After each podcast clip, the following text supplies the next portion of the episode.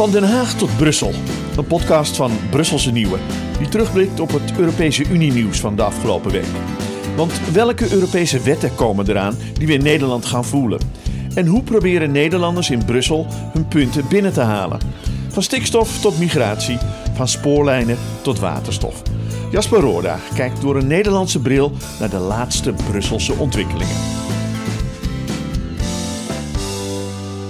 Welkom in deze toch wel financieel woelige tijden. Brussel lijkt immers al voor de tweede week op rij in de ban van slechts één vraag. Komt er een nieuwe bankencrisis? Nadat de Amerikaanse autoriteiten in de bres moesten springen voor de Silicon Valley Bank, was het ook ineens in Zwitserland alle hens aan dek toen Credit Suisse kopje onder leek te gaan. En dan is de vrees natuurlijk, hoe lang duurt het nog voordat de domino-steentjes ook binnen de EU beginnen te vallen?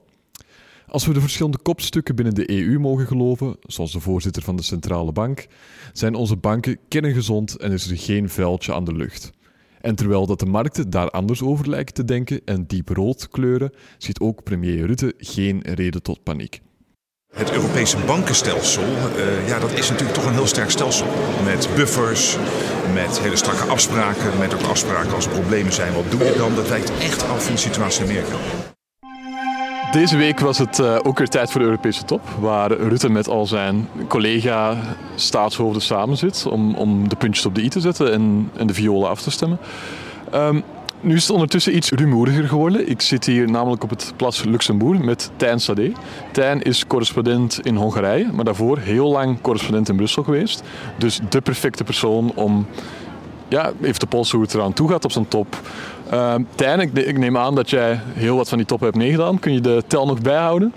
Nee, ik heb echt eh, veel te veel van dit soort toppen meegemaakt. Uh, veel te veel uh, wat goed voor je is. Op een gegeven moment was de teller, geloof ik, zo'n 8 à 10 Europese toppen per jaar. Dus ik denk dat ik er zo'n 100 ja, dat zijn er heel wat. Um, misschien voor de mensen thuis zou jij ons iets mee kunnen vertellen hoe het er een beetje aan toe gaat op zo'n top. Van, want neem aan dat het een hele belevenis. Nou, het houdt je wel bezig, maar het is eigenlijk eindeloos wachten. Het is uh, saai. Uh, dat zul je natuurlijk in de wedstrijdjournalistiek of in de Haagse journalistiek heb je dat natuurlijk ook. Hè? Bij de deur wachten. Uh, dat is uh, in dit geval ook. Uh, dus ja, wat, wat, wat kun je doen? Je moet toch heel veel tussentijds, als er echt belangrijke dossiers spelen tijdens zo'n top, moet je toch wel je contacten buiten de top hebben, zeg maar. Dus gewoon je contacten die je altijd al hebt in Brussel. Je moet uh, proberen toch wel diplomaten van andere landen af en toe ook eventjes uh, de, de, erbij gaan staan bij zo'n rugby scrum van de Polen of van de Italianen. Je probeert met journalisten uit andere landen toch ook een beetje te praten van god wat speelt er, wat horen jullie, uh, wat heb jij in je app. Oh, kan ik daar iets van gebruiken? Ja, je, je marchandeert met elkaar. Je, nogmaals, het is sprokkelen, op een, op een hoop gooien. Hard werken is een ander verhaal. Uh, dat is pas eigenlijk als de top altijd na middernacht afloopt. En je moet bijvoorbeeld voor de radio nog de zaak in elkaar zetten en monteren. Ja, dan ben je s'nachts flink aan het werk. Maar tijdens die top is het heel veel wachten. Ja, je zegt heel veel wachten, maar ik kan me toch voorstellen na zoveel toppen te hebben meegedaan, dat het nu en dan toch wel eens heel spannend kan worden. Als je daar nu aan terug, naar terugkijkt, zijn er dan momenten die er voor jou uitspringen? Nou, de, de ja, de, de, de, Griekse, de Griekse crisis, eurocrisis stoppen, maar dat is heel lang geleden. ik denk dat jij uh, een, nog een tiener was, dus ja. laat ik daar maar niet over beginnen. Uh, maar heel recent is wat er echt uitspringt. Uh, daarmee nam ik trouwens ook een beetje afscheid van Brussel. dat was de top tijdens, ik denk al coronacrisis, ja. En dat er over het grote geld moest worden vergaderd. Dat heeft vier dagen geduurd, een top. Dat zou gewoon normaal hè, anderhalve dag zijn, maar nee, het liep uit tot vier dagen. Een marathontop waar een pot geld uh, van sowieso duizend miljard euro bij elkaar moest worden vergaderd de zeven jaren begroting plus nog eens 750 miljard. Omdat Europa moest herstellen uit die enorme coronacrisis. Ja, een moment wat ik er dan meteen uitpik. En dan sla ik natuurlijk ook een beetje de brug naar waar ik tegenwoordig eh, veel verkeer in Budapest. Uh, Orbán, de Hongaarse premier, die speelde op dat moment ook een enorme hoofdrol. En, en, Nederland en Hongarije die kwamen elkaar steeds meer tegen, botsten steeds meer over allerlei ideologische kwesties. En op die top is er echt ja, is er tot een clash gekomen tussen Rutte en Orbán. En ja, dan heb je hier verderop, ja ik wijs nu even, maar voor de luisteraars is het maar voor jou. Ik wijs even naar het Leopoldpark hierachter. Dat zit zo'n beetje tussen het parlement en het raadsgebouw in. En daar had de Hongaarse premier Orbán zogenaamd heel toevallig een ontmoeting met ons journalisten zijn eh, medewerkers hadden het helemaal geregisseerd achter de schermen. En daar ging hij dan met veel ja, uh, bombastiek en met dramatiek ging hij ons dan vertellen waarom hij het toch zo raar vond dat Nederland hem zo haatte. Why does the Dutchman hate us so much? Nou, voor mij was dat ja, die scène, uh, daar moet je het een beetje mee doen hè, als Europa-correspondent. Uh, heel spannend, wow, vinden wij dus wel.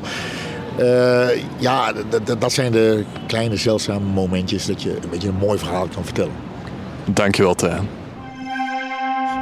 We moeten weer terug naar een economie waar we spullen produceren die gerepareerd kunnen worden als er iets mis mee is.